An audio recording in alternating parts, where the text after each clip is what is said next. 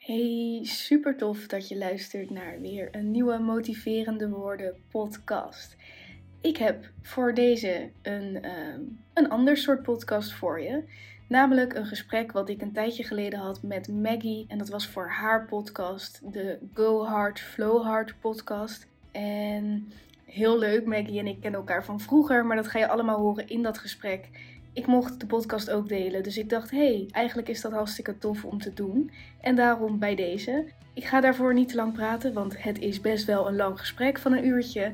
Ehm, maar ik denk dat, we, dat het een inspirerend gesprek is en dat we echt tot leuke topics en inzichten komen. Dus ik zou zeggen, enjoy en ik zie je maandag, of ik spreek je maandag, of je hoort mij maandag bij een nieuwe podcast. Doei doei! Nou, Daphne, super leuk dat jij er bent. Um, even een korte introductie voor de mensen die luisteren. Want uh, normaal neem ik eigenlijk mijn podcast altijd alleen op. Maar nu voor het eerst heb ik een gast. En um, nou ja, ik hou sowieso van praten met mensen en energie uitwisselen. Dus dat leek me een hele leuke manier om ook um, wat dieper in te gaan met ja, hoe volg je nou je eigen pad? Dat is een beetje het uitgangspunt wat ik heb genomen. Uh, omdat dat soms best wel lastig is. Um, in het leven. Van ja, je voelt ergens wel, ik vind dit leuk, maar ja, wat komt er uit je hoofd, wat komt er uit je hart en hoe volg je daar je eigen pad? Dus het leek me heel leuk om daarover met uh, mensen in gesprek te gaan.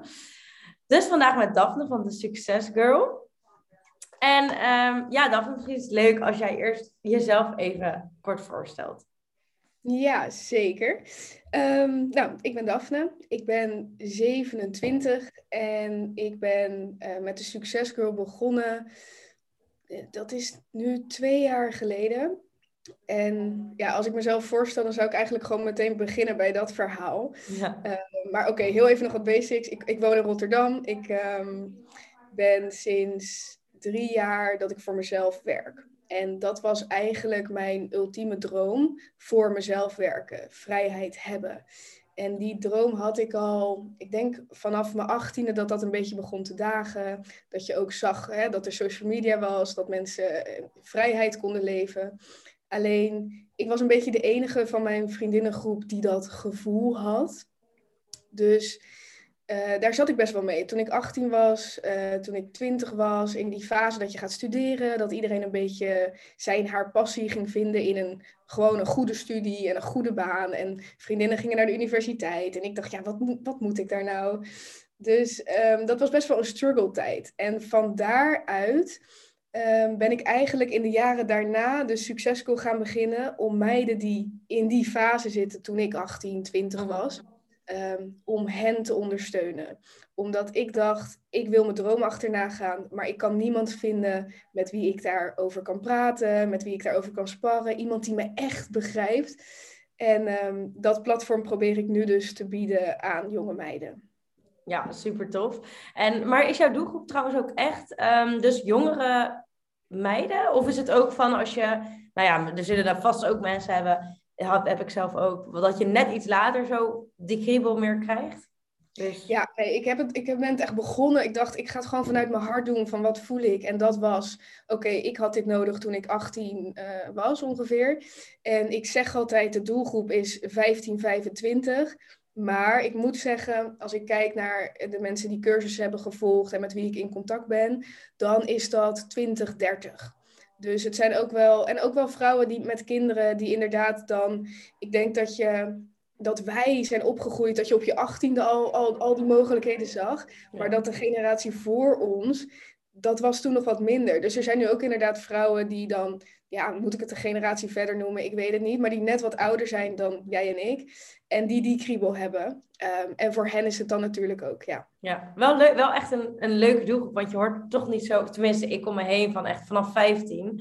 Maar juist heel mooi denk ik, want ik denk daar ook wel eens over na van, we leggen juist op zo'n jonge leeftijd, kom je eigenlijk precies wat jij zegt in dat schoolse en iedereen doet het maar. En op zo'n moment is het denk ik nog ja, spannender om een ander pad te lopen dan dat wat iedereen doet.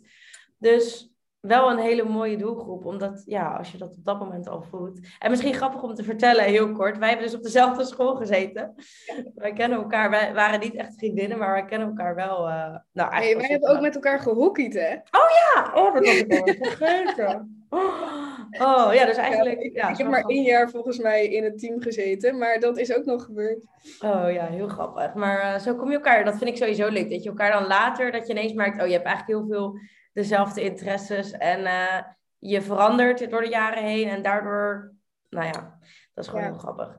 Ja, het is heel leuk, want ik kreeg dan, uh, ik denk een jaar, ik weet niet precies wanneer jij begon, maar uh, wij hebben dan wel een soort gezamenlijke vriendinnen. Dus Anne-Marleen ken jij ook wat beter en ook een vriendin van mij. En die zei dan al een jaar geleden van, hey, Maggie doet ook zoiets als jij. En dan ineens denk je, hey, oh, die ken ik nog. En dan ga je kijken, oh ja, heel Zo grappig. leuk. Ja.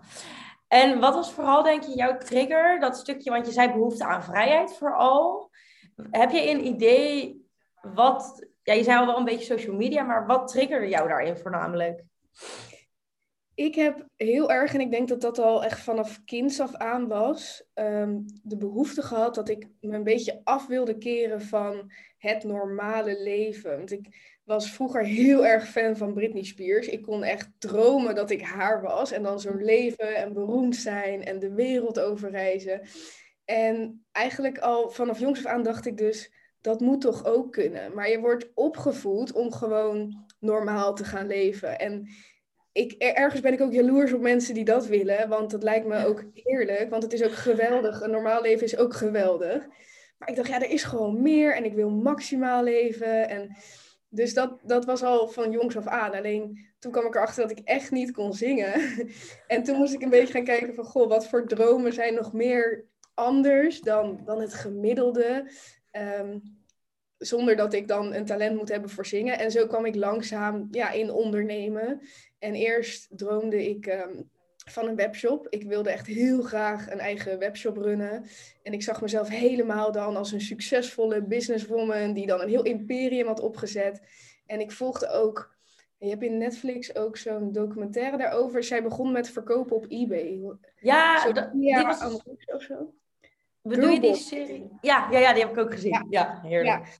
Ja, dat soort dingen. Dan dacht ik echt, dat moet. Alleen, wat het ding is met die series, is dat... En dat hoor je ook heel veel van succesvolle ondernemers, vrouwen die dan verder waren. Ik heb bijvoorbeeld ook het verhaal van Danique van Most Wanted. Dat volgde ik, want mhm. dat vond ik dan ook heel interessant. Alleen zij zeiden allemaal stuk voor stuk... Ja, ik, ik begon gewoon heel klein. Het was helemaal niet per se mijn droom, maar het werd ineens heel groot.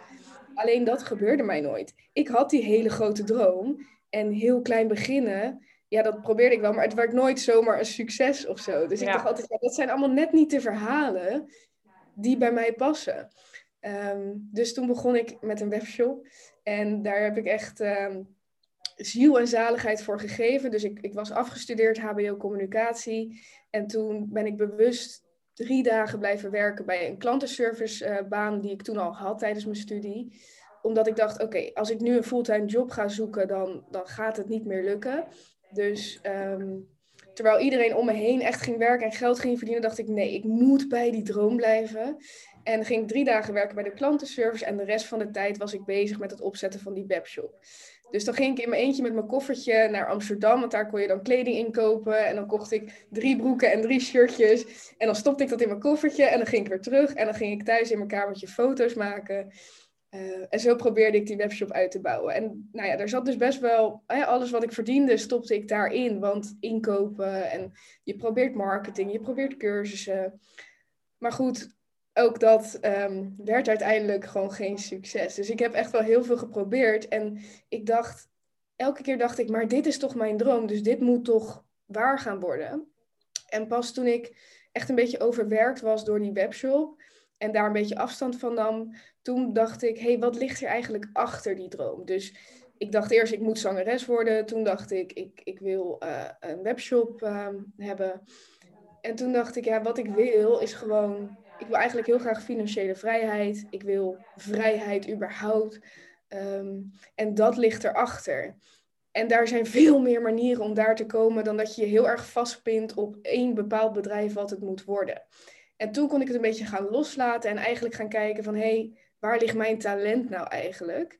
En zo begon ik dus eigenlijk eerst voordat de succescurve begon, begon ik met copywriten. Want daar lag uiteindelijk mijn doorbraak. Ik ontdekte dat ik goed kon schrijven. En, uh, en toen kon ik eindelijk voor mezelf gaan werken als freelance copywriter. Ja, daar wil ik zo ook nog even iets verder op in. Want dat uh, was ook wat ik een beetje als eerste over jou hoorde trouwens. Uh, dat je dus voor jezelf werkte. Maar dat komt zo wel. Maar ik vind het wel ook mooi dat je vertelt. En trouwens heel herkenbaar. Dat, je, um, dat er iets achter een iets willen vaak zit. Dus dat daar een waarde achter zit.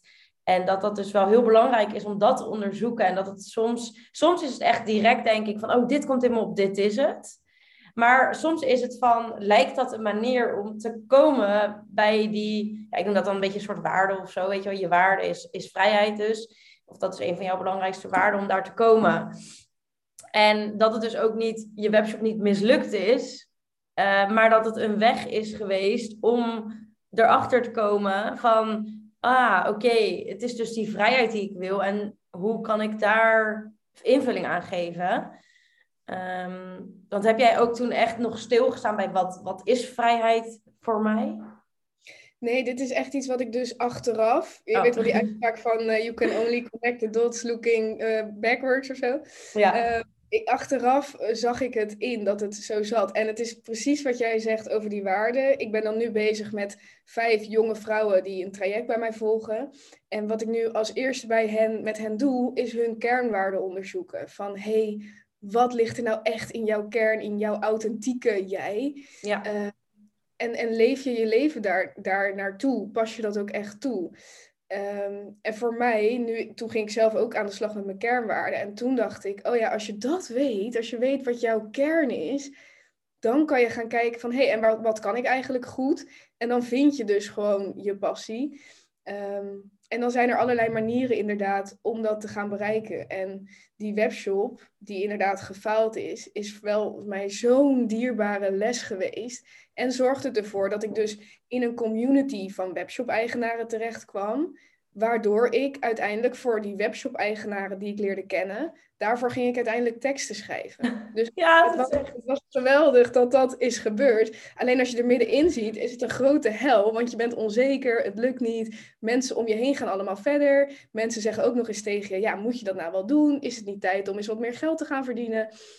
En dat is heel naar. Alleen achteraf kan je inzien, hé, hey, het was wel heel waardevol. Oké, ik, wil, ik wil even één ding tussendoor vragen en dan wil ik hier nog even naar terug. Maar geloof jij dan bijvoorbeeld in toeval? Dus dat, dat, dat dus die mensen uiteindelijk, die webshop-eigenaren, dat je daardoor ging copyrighten en... Nee, ik geloof niet in toeval. Ik geloof op het moment dat jij heel erg je hart volgt en daarin kan je dus ook fouten maken. Dus voor mij zou ik dan zeggen, hè, een fout was dat ik niet doorhad dat ik me heel erg aan het vastbijten was in die webshop. Terwijl ik eigenlijk al veel meer kansen onbewust om me heen had gecreëerd. Dus tussen aanhalingstekens fout, ik bleef me te erg focussen. Uh, maar op het moment dat je het wel altijd vanuit jouw hart doet en vanuit je verlangen, dan creëer je dingen om je heen en dan is er geen toeval bij. Dat is gewoon helemaal wat jij om je heen hebt gebouwd. Alleen je ziet het niet op het moment dat je zo'n tunnelvisie hebt, omdat je denkt, het moet dit toch zijn. Ja, dat is hetzelfde als, moet ik denken aan Wie is de Mol? Ik weet niet of je dat kijkt. Nee. Oh, dat is echt zo, voor de mensen die het kijken, dan hebben ze gewoon, als je op een gegeven moment denkt, die is het, dan oh. kan je gewoon, alles leidt daarnaar. Dat is eigenlijk hetzelfde van, als je denkt, dit is de weg, dan zie je ook niet meer nou ja, net zo in de mol wat misschien andere kandidaat doen, want diegene was helemaal niet de mol. Ik had zieke tunnelvisie. Maar dat, dat is, um, ja, ik begrijp heel goed wat je bedoelt. Maar ik vind dat het verraderlijke is dat je dan dus je heel erg vastbijt op de mol of op wat je denkt dat, dat het eindstation voor jou is. En dat de mensen om je heen dat ook zien gebeuren. Die zien je ook falen. Dus die zeggen, joh, moet je er niet mee stoppen? En het gevaar is dat je het vervolgens dus allemaal laat vallen. Omdat je denkt, nou ja, ik heb het wel geprobeerd. Maar het is gewoon niet voor mij weggelegd. Dus ik ga wel gewoon iets doen wat ik eigenlijk nooit wilde, maar wat wel veilig is. Terwijl als je een kleiner stapje terug kan doen en alleen even kan loslaten hoe je dacht dat het moest gebeuren, dan zie je ineens om je heen dat er, dat er wel nog veel meer mogelijkheden zijn. Ik denk dat dat dat dus echt een valkuil is. Dat je heel erg kan denken, nou, ik heb het geprobeerd. Ik moet het nu helemaal loslaten, want het is niet voor mij weggelegd. Ja, ja ik herken het echt heel erg. Echt mooi dat we hier opkomen. Want, en het gaat denk ik ook, want ook als je luistert en je bent in loondienst, dat doet er op zich niet toe. Het gaat erom, wat zegt jouw hart dat je wil? En of je dat in een onderneming doet, in loondienst, in je privéleven, met hobby's, weet ik het. Dat het ehm, heel erg kan voelen soms. Kijk, je het leven gaat gewoon met ups en downs. En ook deze zoektocht of uh, naar je hart luisteren, zeg ik dan maar. En dan kan het soms voelen, en dat herken ik zelf ook wel in, ja, ik heb nou, in het ondernemerschap, dat, ik denk dat je dan soms wel even drie keer vergroot nog wordt, dat je dan, ja, als je dan inderdaad even twijfelt van, huh, maar het, het is nog niet helemaal, van, dat je dan gaat denken, oh, maar dan zit ik dus niet op mijn juiste pad, dus, weet je, terwijl dat hoeft helemaal niet, want er zijn misschien allemaal andere wegen eromheen die je creëert. En precies wat jij zegt, als je bepaalde dingen in het verleden niet doet, het creëert altijd weer kansen voor in de toekomst. En daar ben ik heilig van overtuigd. Ook al pakt het misschien niet uit zoals je het in je hoofd precies in gedachten had. Ja, want waar ik wel benieuwd naar ben, jij hebt natuurlijk uh, een paar maanden terug besloten om een freelance opdracht erbij te doen. Heb je daarvoor ook getwijfeld van, nou, misschien moet ik helemaal hiermee stoppen? Of dacht je van, ja, hoe ging dat bij jou? Uh, ja, nee, ik heb niet getwijfeld om helemaal te stoppen. Voor mij was het vooral het financiële stukje. Dus um, dat heb ik ook wel geleerd. En dat je vaak, um, tenminste in mijn perspectief, in mijn beleving, dat je toch wel vaak meer de goede verhalen ziet van, oh, ik had binnen een jaar een ton. En nou, ik geloof ook dat het kan hoor. En uh, het is heel mooi als dat lukt natuurlijk. Maar ik heb ook wel gezien en gevoeld, ik voel voor mezelf dat, dat ik ook tijd mag nemen om dus juist dat pad te ontdekken van wat is het precies voor mij. En um, ja, en dat financiële stuk, um, daarom ben ik gaan freelancen. Maar achteraf dus, dat is dus ook weer heel grappig, want toen ik uit de sales stapte, had ik echt zoiets, dit ga ik echt niet meer doen. Terwijl ik er echt, nou ja, goed tussen aanhalingstekens in ben, dat weet ik. Het ging ook altijd goed, maar ik had zoiets, dat het alleen maar om geld draait, dat is niks voor mij. Terwijl ik hou van geld, maar dat het alleen maar daarom draait, is niks voor mij. En nu zit ik dus bij een organisatie en doe ik ongeveer hetzelfde werk. En merk ik van dat die organisatie past dus veel meer, komen we weer terug op die waarde van het eerlijk zijn, um, transparant, dat authentieke. Waardoor ik dus het freelancen echt onwijs leuk vind. En ik echt zoiets heb van, oh, het was dus niet per se ook alleen die functie, maar het ging erom, past het bij mij als persoon, bij mijn waarden? Dus ja, zo is dat gegaan. En nu ben ik dus daarnaast uh, gewoon in alle rust um, het verder aan het opzetten en een opleiding aan het volgen. Um, dus ja, maar dat is soms ook wel moeilijk, van uh, het stukje tijd geven aan iets, in plaats van denken, ja, nee, het moet nu lukken. Ja. ja, wat je zegt over dat je dus dacht dat je bij die dat sales het gewoon echt niet voor jou was. En dat je er nu achter komt dat het gewoon bepaalde aspecten waren in het bedrijf. Dat vind ik, uh, dat is echt interessant. Dat je dus een conclusie kan, kan trekken over iets. En als je dan daar nooit meer op terugkijkt, zou je er ook nooit achter komen dat er eigenlijk dat het net wat anders was.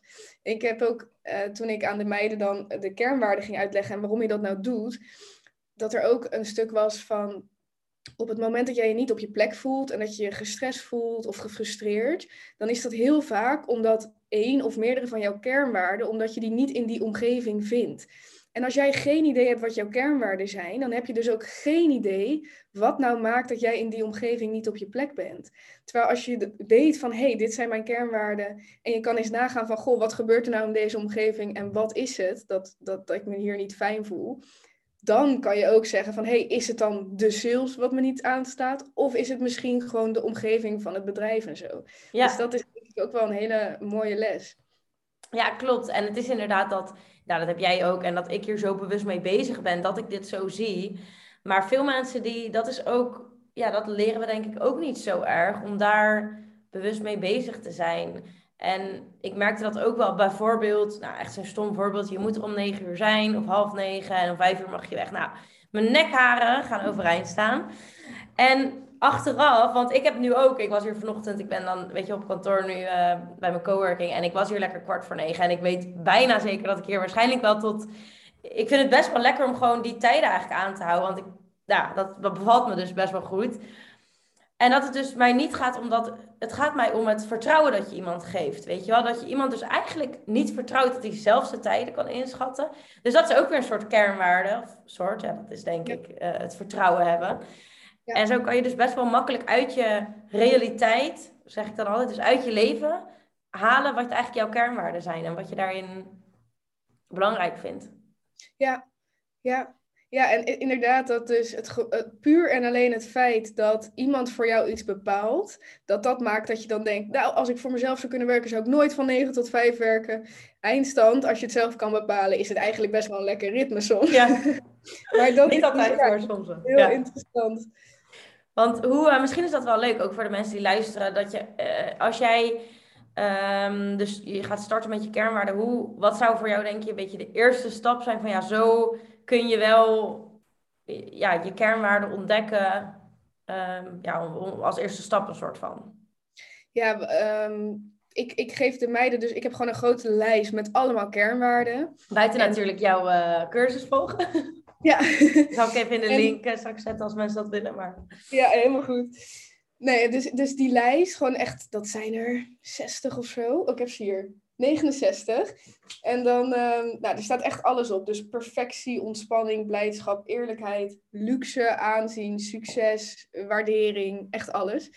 En dan is het eerst van, goh, wat spreekt jou nou aan? Als je denkt aan, aan jouw leven, aan wat je belangrijk vindt, aan wat je al toepast misschien. Dus nou, dan gaan mensen echt 30 van die dingen aanstrepen, want eigenlijk klinkt alles wel goed. En dan is het van, oké, ehm, veel dingen kan je ook wel onder elkaar hangen. Dus voor mij is een kernwaarde vrijheid. Maar ik dacht, ja, maar financiële vrijheid, dat, dat is dus weer een losse kernwaarde, die hoort er ook bij. Dan denk ik van, nou ja, als ik het heb over vrijheid, dan weet ik wat ik daarmee bedoel. Dat ik me vrij voel in mijn leven, maar ook financiële vrijheid. Dus zo kan je al heel veel kernwaarden onder elkaar hangen. En dan is eigenlijk de vraag, als je denkt aan situaties in je leven waarin jij heel gelukkig was, wat gebeurde er toen? Uh, waar was je? Wie waren er bij je? Uh, waarom was je echt zo gelukkig? En daar kan je dan vaak dus ook al uithalen van... hé, hey, welke kernwaarde speelde er op dat moment een rol? En uh, op die manier maken we het dan steeds kleiner. En ja, het is heel verschillend, want ik weet dat, dat bij sommige cursussen of coaches wordt gezegd dat je tien kernwaarden kan hebben. En sommigen zeggen er maar drie. Nou ja, ik heb er zelf, kies ik voor vijf, omdat dat voor mij compleet voelt. Uh, vijf is behapbaar. En ik zorg er eigenlijk voor dat ik dus nu ook mijn dagen indeel van oké, zit er in die dag altijd een beetje iets van al die kernwaarden. En als dat mij lukt, dan heb ik echt een hele lekkere dag gehad. Oh, dat is wel heel mooi. Die is ook echt wel concreet. Van, uh, die heb ik ook nog niet vaker gehoord. Van zit er inderdaad in wat ik belangrijk vind. Ja. Ja, en ik had gisteren een gesprek met uh, een van de meiden en toen was het ook van ja, kijk, het is niet zo dat een dag mislukt is als zo'n kernwaarde er niet in zit. En voor mij is een kernwaarde bijvoorbeeld ook gezondheid. Uh, nou, dat betekent dus of dat ik sport of dat ik lekker gezond eet. Dan, dan voelt dat voor mij dat ik die kernwaarde heb voldaan. Maar ja, eerlijk is eerlijk. Er zijn ook dagen dat ik naar de Mac ga um, en dat ik croissantjes eet. En dat ik uh, ook niet echt veel beweeg. Maar dan kies ik wel heel bewust gedurende die dag van, nou oké, ik weet nu dat ik hem laat gaan. Um, dus ik weet dat dit een keuze is. En dan is het ook helemaal oké. Maar als ik daar niet bewust voor zou kiezen, dus ik doe het gewoon. En misschien herken je wel dat je dan aan het eind van de dag of na een week zo'n heel ontstemd gevoel hebt van, het voelt niet helemaal goed. Um, en dan ben je dus dan ben je het onbewust aan het doen. Dus als ik het heel bewust doe en soms ook bewust niet een kernwaarde in mijn dag stop, dan is het ook oké, maar dan weet ik het.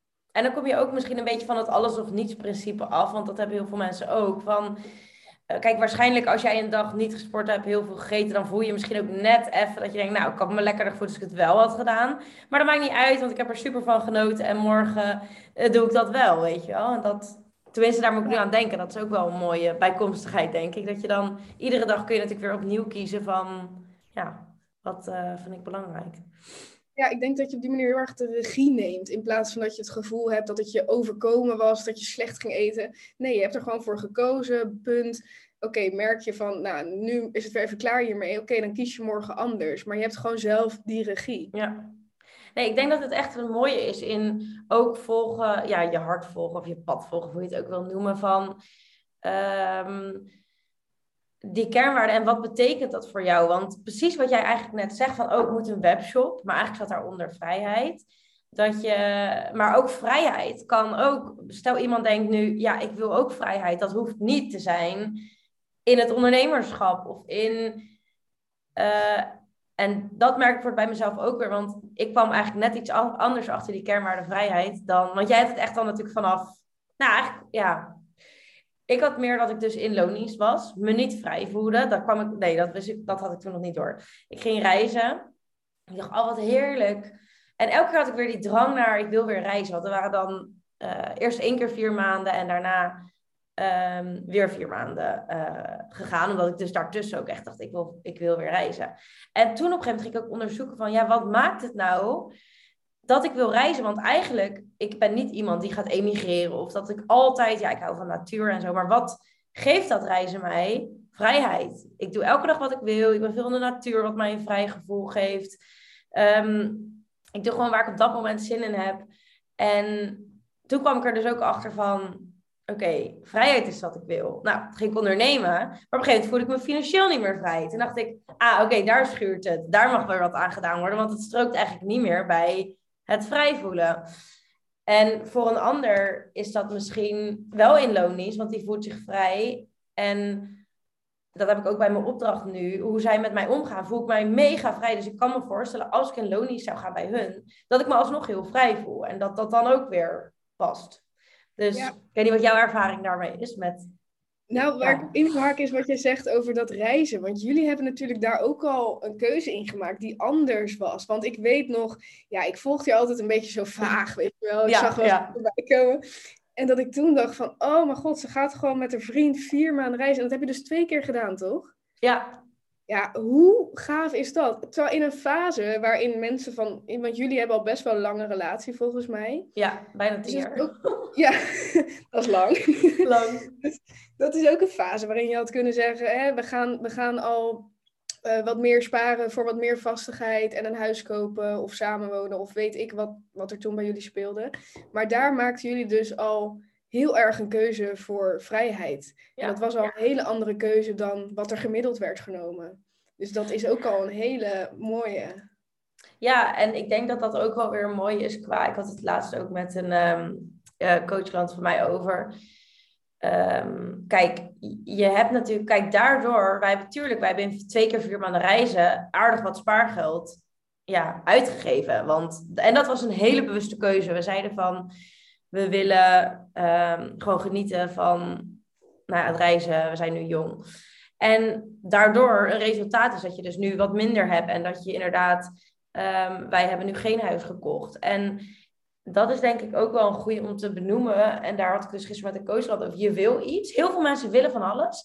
Maar de weg er naartoe of wat erbij komt, dat willen ze niet. Dus blijven ze maar die, die weg lopen. Die, nou ja, wat dan ook. Inderdaad de veilige weg of wat iedereen zou doen. Want ja, op een of andere zit je niet te wachten eigenlijk. Dus dat vind ik ook wel. En daar moest ik gewoon ineens aan denken van... Ja, er ko- komen, er- het heeft ook nadelen soms. Maar wat is nou echt wat jou echt in, in gelukkig maakt? En durf je dan ook ja, de dingen die daarbij komen, die, ja, hoe zeg je dat? Voor lief te nemen eigenlijk. Of op, jou, Ja. op jouw manier weer in te richten. Ja, ik denk dat je echt de kop op de spijker slaat. Eh, de spijker op de kop Spijker slaat. op de kop. Ik, elke tijd dacht ik echt, nee, dit gaat niet goed. maar ik, heb, ik, heb, eh, ik, ging, ik wilde een e-book maken, dus eh, een gratis e-book heb ik gemaakt. En ik dacht, ja, ik wil niet zo'n eh, standaard tekst. Dus ik dacht, ik wil even een wat strengere tekst maken, omdat mensen soms ook gewoon even streng aangesproken moeten worden. En nou, dat is de- misschien wel leuk, want ik vind ja, dat jij dat altijd heel goed doet. Dus ik zou mensen ook zeker aanraden jou op Insta te volgen. Jij bent gewoon super helder. Hup, dit is het. En daar kan ik echt nog wel wat van leren. Ik vind dat heel goed, want dat triggert mensen ook. En misschien soms ook negatief. Ik weet niet of je dat ervaart, maar het triggert mensen wel. Ja, soms negatief, maar ik, ik heb ook zelf zoiets. Ik, ik ga er soms heel lekker op als ik even op een liefdevolle manier een schop onder mijn kont krijg. Ja. En ik denk dat mensen dat ook nodig hebben. Want wat jij zegt met eh, ze willen iets en, en ze roepen iets van: Oh, wat tof dat je dat doet, zou ik ook wel willen. Maar vervolgens nemen ze de stappen niet, want ja, maar dat en zus en zo. Dus ik heb ook in dat e-book eh, aan het begin opgeschreven van: Oké, wat is je droom? En hoe graag wil je het? En als je dan antwoordt ja, heel graag, oké, ben je bereid om er alles voor te doen? En als jij nu al weet dat je dat niet bent, kap er dan maar gewoon mee. Want je bent jezelf aan het pijnigen met iets van ja, ik zou het wel willen, ik zou het wel willen. En tien jaar later wil je het nog steeds, maar je hebt er niks aan gedaan. Dus kies een droom en ga ervoor. Ja. Of inderdaad, kijk, en wat we net, er zit nog heel veel achter, want dan kan je erachter komen dat het misschien net een ander pad moet zijn. En nou, dat is dan de hele reis die je aangaat. Maar als jij blijft hangen in ja, maar zus en ja, maar dit, dan kan je er beter mee kappen. Want dan ben je echt jezelf onnodig aan het pijnigen met iets wat dus nooit gaat gebeuren. Ja, ja echt duizend mee eens. En het is ook, natuurlijk is het een, zit daar, weet je wel, wat jij ook zegt, meer achter. En dan kan je ook eh, dieper in jezelf duiken, laten we even een breed begrip. En het is ook zeker niet altijd leuk. Nou, dat zou je kunnen beamen. Wat jij eigenlijk, je begon daar al mee van, oh, zou het soms niet heerlijk zijn om gewoon ja, ja, dat denk ik soms ook wel. Gewoon, helemaal, gewoon in loondienst, boeien, ik kom uit mijn werk. Oh nee, ik wil nu niet negatief op loondienst, want ik weet dat heel veel ambitieuze mensen in loondienst zijn en dat het top is. Maar even voor mijn beeld, ik denk, oh, ik wil niet gewoon in een koffietentje gaan werken en uh, een beetje kletsen met mensen, dat vind ik ook leuk. Ehm, maar, dus het is zeker niet altijd makkelijk om te gaan voor wat je hart je vertelt en voor wat echt jouw waarden zijn.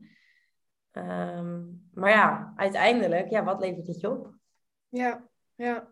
Ja, en dat is dus, dat ik, toen ik de succesclub begon, dacht ik, nou, ik wil dus een beetje die Amerikaanse insteek van een beetje dat schreeuwige van, come on. dus, dus, ik had me al voorgenomen van, ik wil altijd een beetje die, die nou, streng, ik weet niet of dat het is, maar die cheering van um, niet al te lievig en gewoon meer van, kom op, zet er even wat, uh, wat gas onder.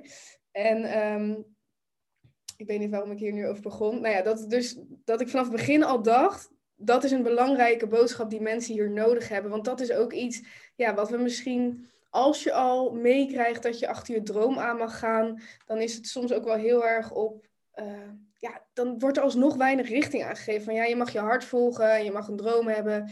En dan. Ja. Ik denk dat dat, dat nog wel een beetje mist in, in hè, dat we als jonge, zeker nou, als ik dan even denk aan mijn doelgroep, jonge vrouwen die mogen dromen en je ziet alles op social media, maar het ligt uiteindelijk bij de actie die, die uh, ondernomen wordt. En ik vind dus heel tof dat jullie die reis gingen uh, doen en dat je dus ook echt die actie ondernam, gewoon bam, gewoon gaan.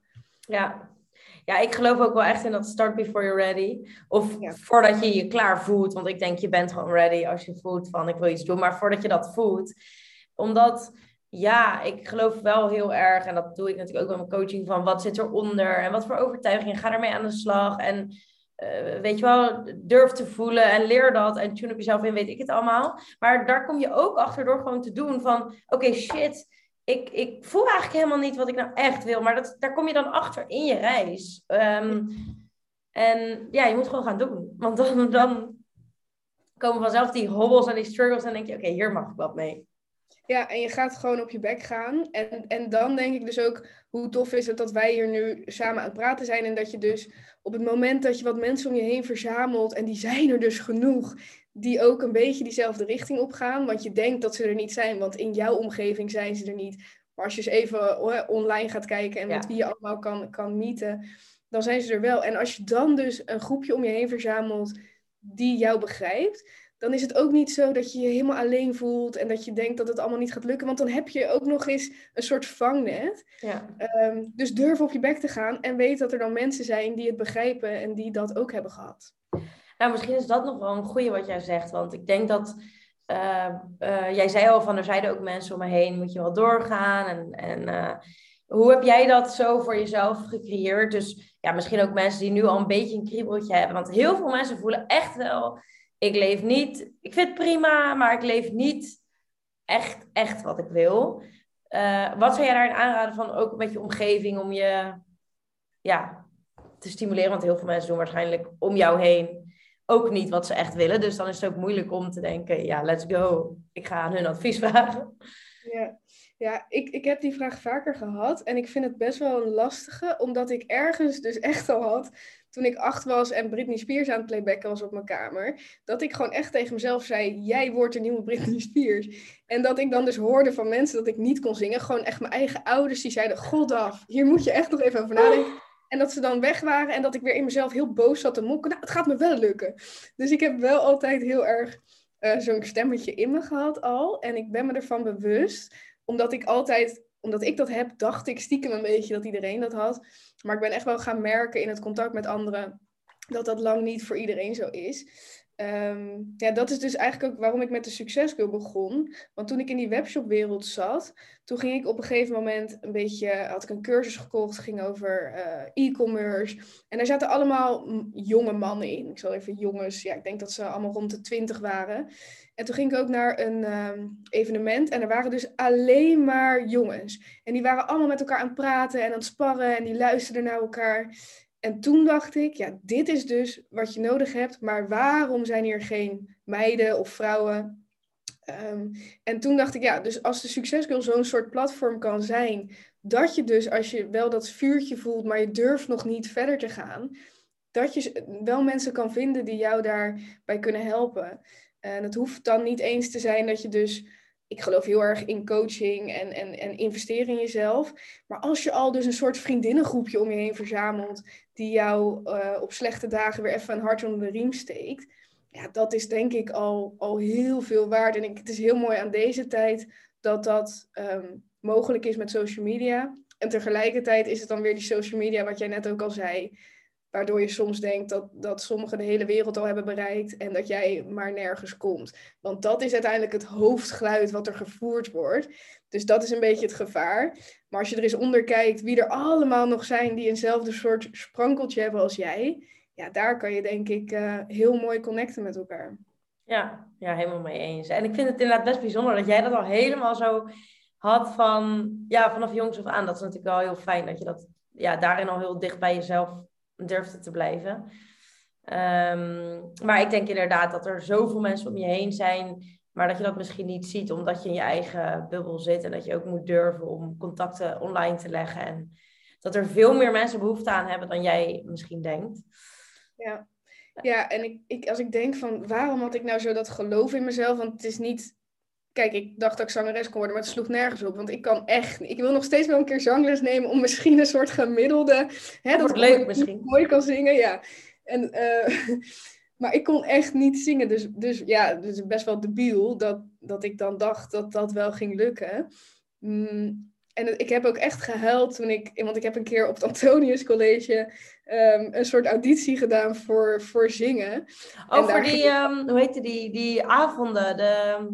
Ja, nee, het was aan het begin in de brugklas. Oh. En dan zou je een soort ja, zanggroepje krijgen met John de Heij, weet je wel, die deed altijd. Ja, en ik heb toen ook echt die auditie gedaan, omdat ik, ja, wel super zenuwachtig, maar ik dacht, ja, dit is voor mij. Ja, toen ging ik als eerste eruit en toen dacht ik, oké, ja, hier gaat dus echt iets niet goed.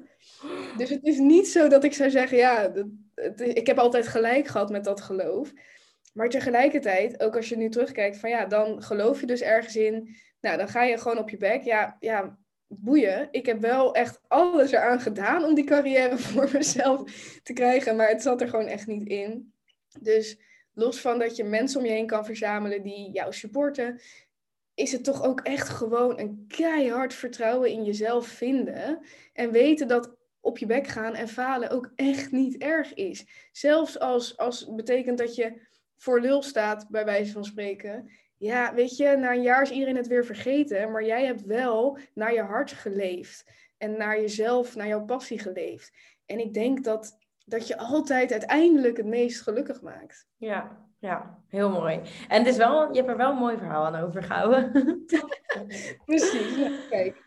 Uh, en uh, heb jij, wat vind jij lastig in het. Nee, misschien is eerst een goede vraag. Hoe weet jij uh, voor jezelf of jouw hart het je vertelt of je hoofd. Of ja, hoe zeg je dat? Het verschil. Dus dat het echt. Ja, ik denk dat ik wel begrijp wat ik bedoel. Van, uh... Ja, nou, ik denk, ik denk dus even een, want het is nu voor het eerst dat ik hierover nadenk, Mhm. dat het altijd eerst is dat je, dat je een verlangen voelt of zo. Dus ik denk altijd dat dat eerste sprankeltje, dat is dan je hart. En dan vervolgens komen de stemmen van je hoofd eroverheen om het eens even eh, anders te maken en te zeggen dat het niet kan. Dus voor mijn gevoel is het altijd dat eerste gevoeletje wat je hebt, dat is je hart. En dan, komen die, die, dan komt je hoofd pas. Dus op, in die volgorde zou ik het denk ik onderscheiden. Ehm, ja, ik, ik denk dat dat, dat dat het voor mij een beetje is. En je, je weet al heel snel als je merkt dat je in je hoofd een gesprek aan het aangaan bent met ja, maar het kan niet, want dan is dat dus, staat aan de ja, maar het kan niet kant. Dat is duidelijk je hoofd. Ja. en aan de andere kant is duidelijk je hart. Ja, nee, ik vind het een mooie hoe je het zegt, want ik denk dat het soms ook inderdaad helderder is. We maken het vooral heel moeilijk. Dus ik denk ook dat vaak bijvoorbeeld, ik noemde jij of je intuïtie, dat kan je denk ik, tenminste dat zie ik ook wel een beetje als je, je hart en je gevoel. Of, dat dat vaak als eerste spreekt en dat je daarna, precies wat jij zegt, die, die discussie in je hoofd aangaat. En dat eigenlijk ook wel eens de vraag is van, ja oké, wat als je 100% zeker weet dat het zou lukken. Dus je voelt dat ik wil vrijheid en je weet of ja, misschien moet het dan iets concreter zijn. Maar wat zou je dan doen als die Yamaren er eigenlijk allemaal niet zouden zijn? En wat dan het antwoord is, dat dat ook vaak wel is. Ehm, maar nee, Ja. ik denk dat het een hele goede is wat jij zegt. Dat het, dat het begint met het gevoel en dan daarna komt Ja. het hoofd Ja, ik vind het mooi wat je zegt van dat 100%, wat als, wat als je 100% zeker wist dat het zou lukken. En ik heb die ook wel eens losgelaten op andere mensen en dan merk je toch, want het is makkelijk om het te zeggen. En op het moment dat je al een paar keer zo'n stap hebt gezet, dat heb jij ook gedaan, ehm, dan weet je hoe dat werkt. Van, oh ja, als ik het zo bedenk. Maar op het moment dat ik aan iemand voorleg van wat als je 100% zeker wist dat het zou lukken, dan nog komen ze op de een Ja. of andere manier al meteen met ja, maar. Dus dat is, ik denk, in mensen die dit luisteren, die kunnen het voor zichzelf doen. Maar dan moeten ze echt opletten dat ze niet alweer, ja, maar dat, ja, nee, 100% zeker dat het zou lukken. Dan weet je Ja. wat je wil. En dan kunnen wij jou allebei vertellen dat als je dus er gewoon voor gaat en gewoon eens gaat kijken hoe het allemaal loopt en vertrouwt, dat er dan hele mooie dingen op je pad komen. Ja, nee, en daarom denk ik ook dat het goed is om af en toe met iemand ehm, daarover te hebben. Want zelf, je hebt toch bepaalde blinde vlekken met wat je zelf doet. Dus dat jij natuurlijk dan die meiden helpt of ik, dat is, dat is dan heel waardevol, denk ik. Dat je niet in je eigen cocon ehm, blijft. En er zijn nog iets waar ik op wilde reageren. Ehm, Oké, ben ik nu vergeten. nou ja, maar ik, oh ja, dat er mooie dingen op je pad komen. Ja, ik hoorde ook een keer een soort quote, echt heel random. Het is niet echt een quote. Zij zei gewoon, alles is informatie. Dat is, Mm. En toen dacht ik, die hoor ik dus echt nog vaak. Terwijl het is helemaal niet een mooie, inspirerende, maar gewoon... Dus als jij dus, als iets niet lukt tussen aanhalingstekens, is dat dus informatie. En dat zegt niet dat je niet op je pad bent. Of misschien is dat dan informatie. Of dus stel, ja, dat is dan misschien even voor de ondernemers. Nou ja, stel inderdaad, je lanceert een aanbod, niemand koopt. Oké, dan is dat informatie. Wat kun je eruit halen? Niet, oh, ik ben mislukt, het is hem niet. Wat is, wat is de informatie die je eruit kan halen? Heb je het niet op de juiste manier gedaan? En dat is ook met, stel je stopt met je baan en je doet een nieuwe baan en het is weer niet wat je leuk vindt. Want daar zijn mensen natuurlijk ook heel bang voor dat ze niet durven te stoppen. Ja. En het is weer niet leuk. Ja, shit, had ik dat niet moeten doen. Jawel, dat is dus informatie dat je dus niet op het goede pad zit. Dat je niet aan het zoeken bent naar... Dat je, ja, dus dat vind ik ook altijd wel een mooie. Van, inderdaad, er komen altijd mooie dingen op je pad. Die lijken misschien in eerste instantie niet mooi, omdat het niet gelijk lukt tussen aanhalingstekens. Maar dat is ook informatie van, oké, ik mag het weer opnieuw proberen. Want dit is dus niet, ja, wat voor mij de weg is. Ik moet heel erg denken door wat je nu zegt aan zo'n uitspraak over dat alles een som is. En dat als je dus een andere uitkomst wil, je hoeft maar één ding in die som soms te veranderen. Dus als jij een andere uitkomst wil, moet je niet de hele tijd blijven bij 3 plus 3 plus 3. Want je wil geen 9. Maar uh, dan moet je eens kijken naar, goh, wat als je er één verandert? Dus inderdaad, als je van baan bent geswitcht en je denkt, dit is ook niet leuk, shit, ik doe het helemaal fout. Nee, maar wat, wat in die formule moet er dan net nog weer even anders? Um, dus je, je moet niet de hele tijd dezelfde som blijven maken, maar je moet ook niet denken dat als de uitkomst niet goed is, dat de hele som fout is. Er is Ja. gewoon iets. Oh, ik vind het echt, ik hou van zo'n soort uh, ja. metaforen. Dus weet je, als je doet wat je altijd deed, krijg je wat je altijd had. Dat is gewoon zo. Het is... Ja. En ook met zo'n som, inderdaad. En dat, dat vind ik wel mooi. En vooral in een baan heb je vaak inderdaad misschien meerdere aspecten. Dus uh, en dit, en dat, en dat, en dat. En dan krijg je een uitkomst. Maar aan welke knop mag je draaien? Wat past misschien dan ook weer niet bij je kernwaarden of bij... ja. Ja, dat is precies wat jij dus ook had in die salesjob. Dat, dat het eigenlijk niet helemaal dat hele plaatje was wat niet goed was. Maar een paar schijven, zeg maar. Ja, ja. En in dat... Ehm, wat vind jij lastig in het dus ja, je hart volgen of je pad volgen? Zijn er, heb jij voor jezelf echt valkuilen of, of dat je merkt, ja, dan vind ik het wel heel moeilijk? Um, ja, ik vind het heel moeilijk als ik uh, te lang geen resultaat zie. Ehm, ik kan heel onrustig worden. Dat heb ik uh, met het ondernemen, maar dat heb ik ook in mijn leven bijvoorbeeld. Dus um, ik ben toen ik 18 was naar Thailand gegaan en later ben ik stage gaan lopen op Curaçao. En dan had ik altijd dus weer iets nieuws en een prikkel en spanning in mijn leven. maar op het moment dat, dat er dan niks is om naar uit te kijken, dan vind ik het soms heel lastig. Dan denk ik al snel, oh, mijn leven is saai en het moet weer anders. En dat, dat vind ik heel lastig, want dat heb ik dus ook met, met het ondernemen. Ehm, als ik niet nieuwe resultaten zie of iets nieuws kan doen, dan denk ik al snel, ja, wat ben ik nou aan het doen? En is het nou wel goed? En ga ik nou uiteindelijk wel bereiken wat ik echt wil bereiken?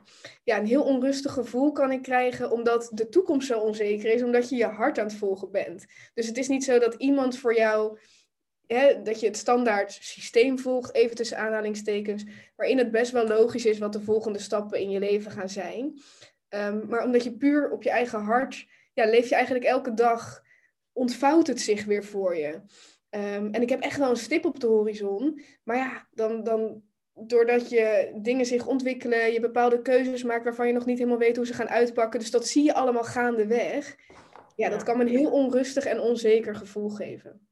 En heb je dan ook op zo'n moment dat je voor jezelf weet uh, wat ja, werkt om dan toch op jouw eigen pad te blijven in plaats van, ja, ik weet niet of je wel eens denkt bewijs van, nou, ik ga weer uh, dit of dit doen en denk je, nou, eigenlijk, ja, wat, wat houdt jou dan toch op het, op het juiste pad, laten we zeggen?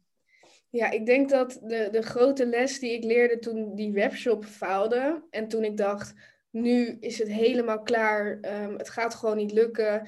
En toen dacht ik, ik, ik moet dus alles nu loslaten, want ik weet het niet meer. Ik was overwerkt, ik, um, ik, terwijl ik niet eens veel geld had, want ik was overwerkt doordat ik bezig was met die webshop. Maar de klantenservicebaan die ik had, vond ik eigenlijk ook niet leuk. Ik wist het gewoon niet meer. Dus ik, het enige wat ik kon doen was gewoon loslaten. Um, en maar zien wat er zou gebeuren.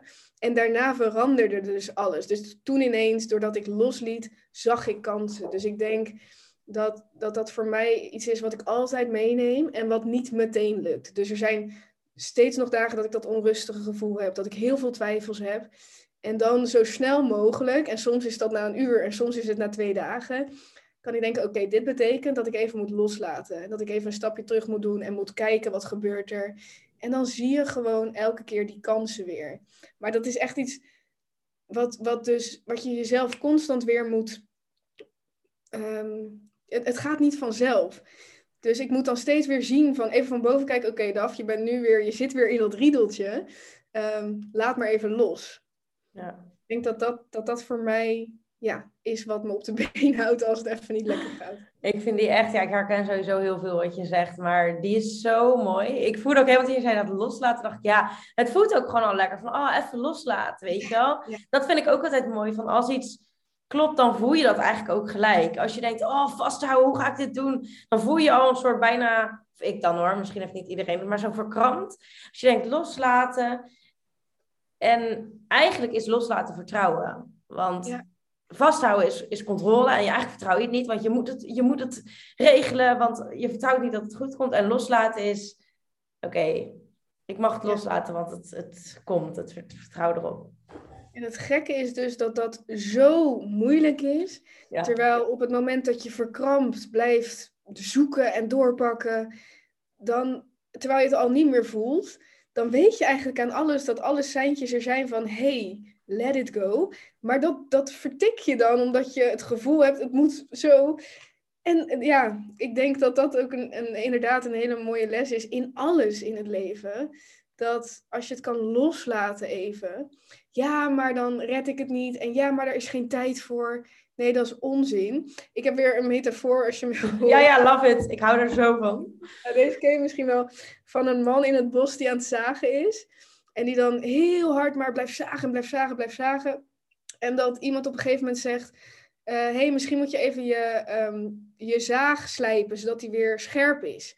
Dus hij is op een gegeven moment is die zaag helemaal bot en hij blijft maar zagen. En dan zegt die man, nee, daar heb ik geen tijd voor. en ik denk dat dat...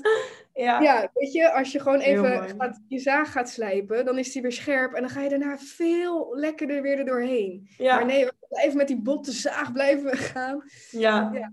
En ik denk dat dat ook is, ja, ik noem dat dan vaak, weet je wel, het ego. Of wat we, ik weet niet of jij daar ook mee, uh, of een woord wat je gebruikt, maar dat is gewoon heel erg ons hoofd en het, wat we aangeleerd hebben. En we moeten maar doorgaan, goed resultaat. Terwijl eigenlijk, wat mij betreft, dat stukje vanuit je hartleven veel meer is vanuit vertrouwen. En dat zegt niet dat je niet actie kan ondernemen, maar je voelt gewoon het verschil tussen, nou, oh, Kim, weet je wel, die luister je ook van dat inspired action, van ik ben geïnspireerd en, en ik zit in de flow. En van die geforceerde actie van, ik, ja, nee, dus dat is denk ik een hele mooie. En... Ja, en ik denk jouw praktijk, hoe jij dat hebt gedaan met dat je dus op een gegeven moment dacht, ja shit, financieel merk ik dat ik ga denken van oeh, ga ik het wel redden op een gegeven moment. Dat je dan dus, terwijl het, het zou voelen voor mensen van, hè, maar dan ga je toch niet uh, een stap terugzetten en in freelance dienst, want dan hou je juist minder tijd over voor je onderneming. Terwijl dat maakt dat jij weer vanuit flow met je onderneming aan de slag kan gaan. En dat is die emotie van waaruit het wel allemaal veel makkelijker gaat. Dus ook dan maak je dus een, een logische keuze van semi loslaten, omdat je dan uiteindelijk veel gelukkiger en lekkerder gaat en het dan een stuk makkelijker waarschijnlijk ook ja. gaat. Ja, helemaal mee eens. En ik, nu jij dit zegt, besef ik me ook iets dat ik dat ook met mijn podcast een beetje had. Dat ik uh, weer een beetje mezelf forceerde om het vaak te doen.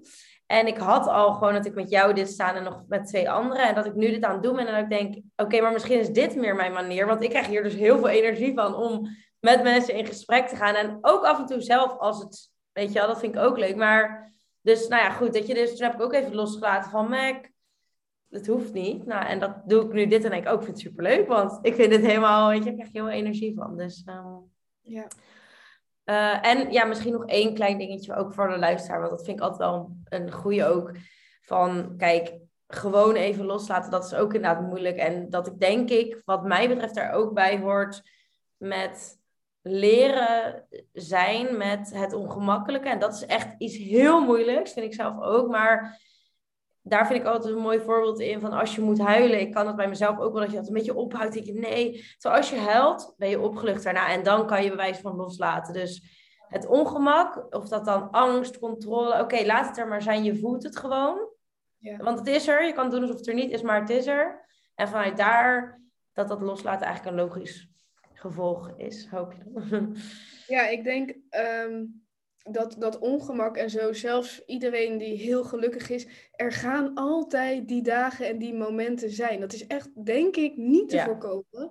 En ik denk dat daar juist dus ook heel veel kracht ligt, dat op het moment dat je weer even op de bodem bent gekomen en je bent even open gegaan en gaan huilen of whatever, maar de emmer is even overgelopen, dan is er weer zoveel ruimte daarna. Dus vaak zijn dat ook fases nadat ik er even helemaal doorheen zat, dat ik daarna weer helemaal opbloei. Het is eigenlijk constant die golfbeweging. Dus het is eigenlijk heel waardevol dat je vol kan zitten en dat, dat je even verkrampt.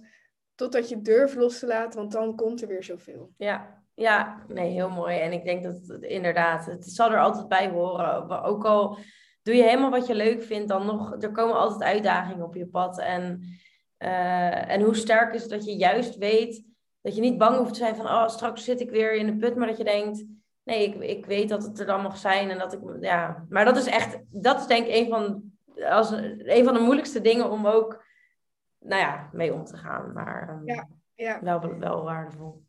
Ja, ik denk dat daar ook een stukje, zo die scheidingslijn tussen heel erg um, praktijkgericht leven en dan het stuk met de law of attraction, visualiseren, affirmeren. Want ik was nu toevallig ook bezig met een post over vertrouwen. En kijk, als je gewoon denkt aan vertrouwen in jezelf en in je toekomst, dan komt dat ook grotendeels door ervaring. Doordat je weet dat als je jezelf hebt vertrouwd, dat, er, dat het goed komt. Maar als je dat nog niet hebt, die ervaring, en de tijd is geweest om dat op te bouwen, hoe kom je dan in godsnaam aan vertrouwen in jezelf? En toen dacht ik, ja, daar heb ik wel echt met affirmaties en zo, dat je gewoon tegen jezelf zegt, ik kan dit, dit gaat lukken en, en welke affirmaties je dan ook gebruikt.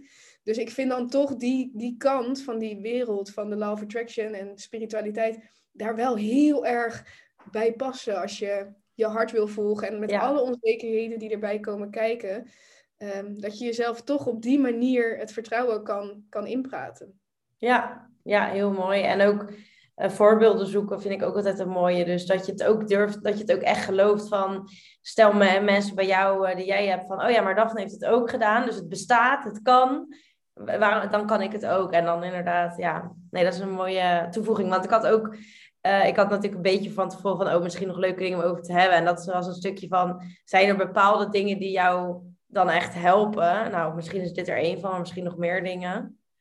Ja, 100% um, ehm, dat affirmeren. Ik had heel erg, ik denk dat het niet afgelopen zomer, maar het jaar daarvoor, dus nou, anderhalf jaar geleden, kwam ik heel erg in aanraking dan met de, met de wet van aantrekking. En, en toen kwam ik erachter dat, want ik dacht altijd, ja, mediteren vind ik wel fijn. Maar toen ontdekte ik dus meditaties waarin je echt visualiseert en zo. En dat maakte voor mij echt een wereld van verschil om gewoon Terwijl ik gewoon een half uur mediteerde, maar ondertussen heel erg bezig was met vertrouwen opbouwen in mezelf. Doordat ik in die meditatie, en dat was dan een geleide meditatie, dus iemand die je daar ook echt bij helpt, waardoor je het niet allemaal met jezelf hoeft te doen. Want ik vind het heel lastig om bijvoorbeeld te denken, nou, ik ga nu even voor me zien dat ik uh, dat ene succes behaal. Op het moment dat iemand in je oren zegt van, voel nu dit en, en zie nu dit. En toen, ehm, dat je dan ook aan het einde van zo'n meditatie vroeg, zei ze dan altijd, vraag nu om een teken. Dus hè, ga letten op tekens, dat wat jij voor je hebt gezien, dat dat realiteit gaat worden. Nou ja, dan zeg je, geef me een teken.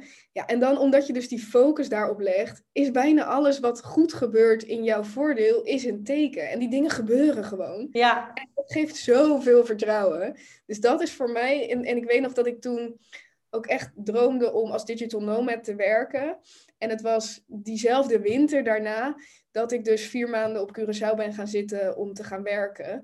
Ehm, en ik weet zeker dat, dat die manier van mediteren, visualiseren en affirmeren, dat dat mij heel veel vertrouwen heeft gegeven om die stap te nemen. Ja, dat is een hele mooie tool. En ik denk ook mooi voor ja, mensen die luisteren om ook.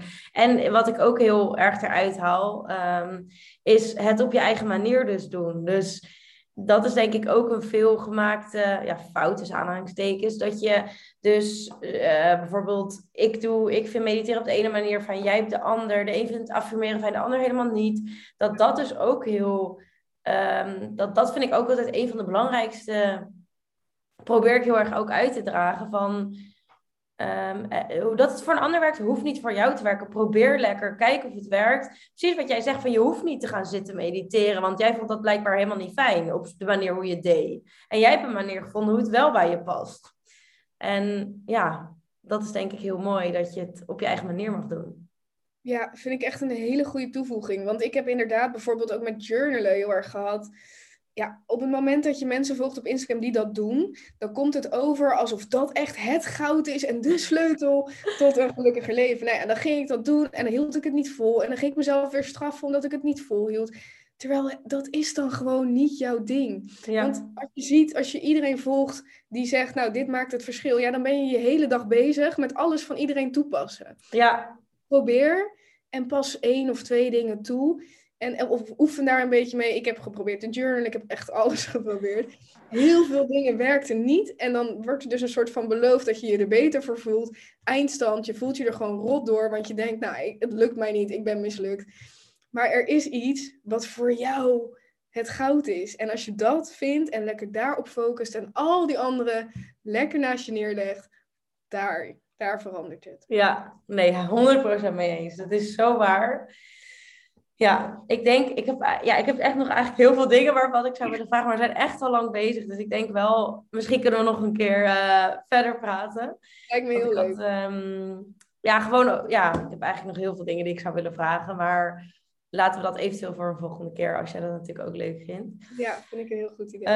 Um, dus ik wil eigenlijk vooral van hoe kunnen mensen jou vinden als ze nou denken, nou super inspirerend ook wat jij verteld hebt. Ehm, hoe kunnen ze jou het beste vinden?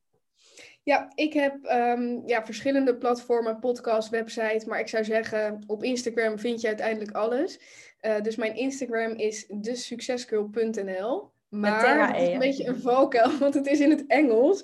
Dus het is de in het Engels met THE. En succes is dan dus ook met twee S'en. Het is een beetje een lastige naam. Ik denk altijd, oh, waarom heb ik dat gedaan? Maar goed, at succesgirl.nl. Nou ja, op zich, girl is, uh, het is natuurlijk wel, en .nl, ja, je, ja, ik vind het best duidelijk hoor.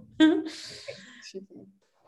Oké, nou top. En dan, uh, ik zet het ook wel even in de omschrijving van de podcast, dat mensen daarnaar uh, kunnen, ja, daar kunnen klinken, klikken en jou volgen. Ja, het is echt stom, want ik heb echt nog zoiets van, oh, ik heb zo'n dit, dit, dit, maar dan wordt het gewoon veel te lang. Dus uh, we gaan hem wel denk ik afronden.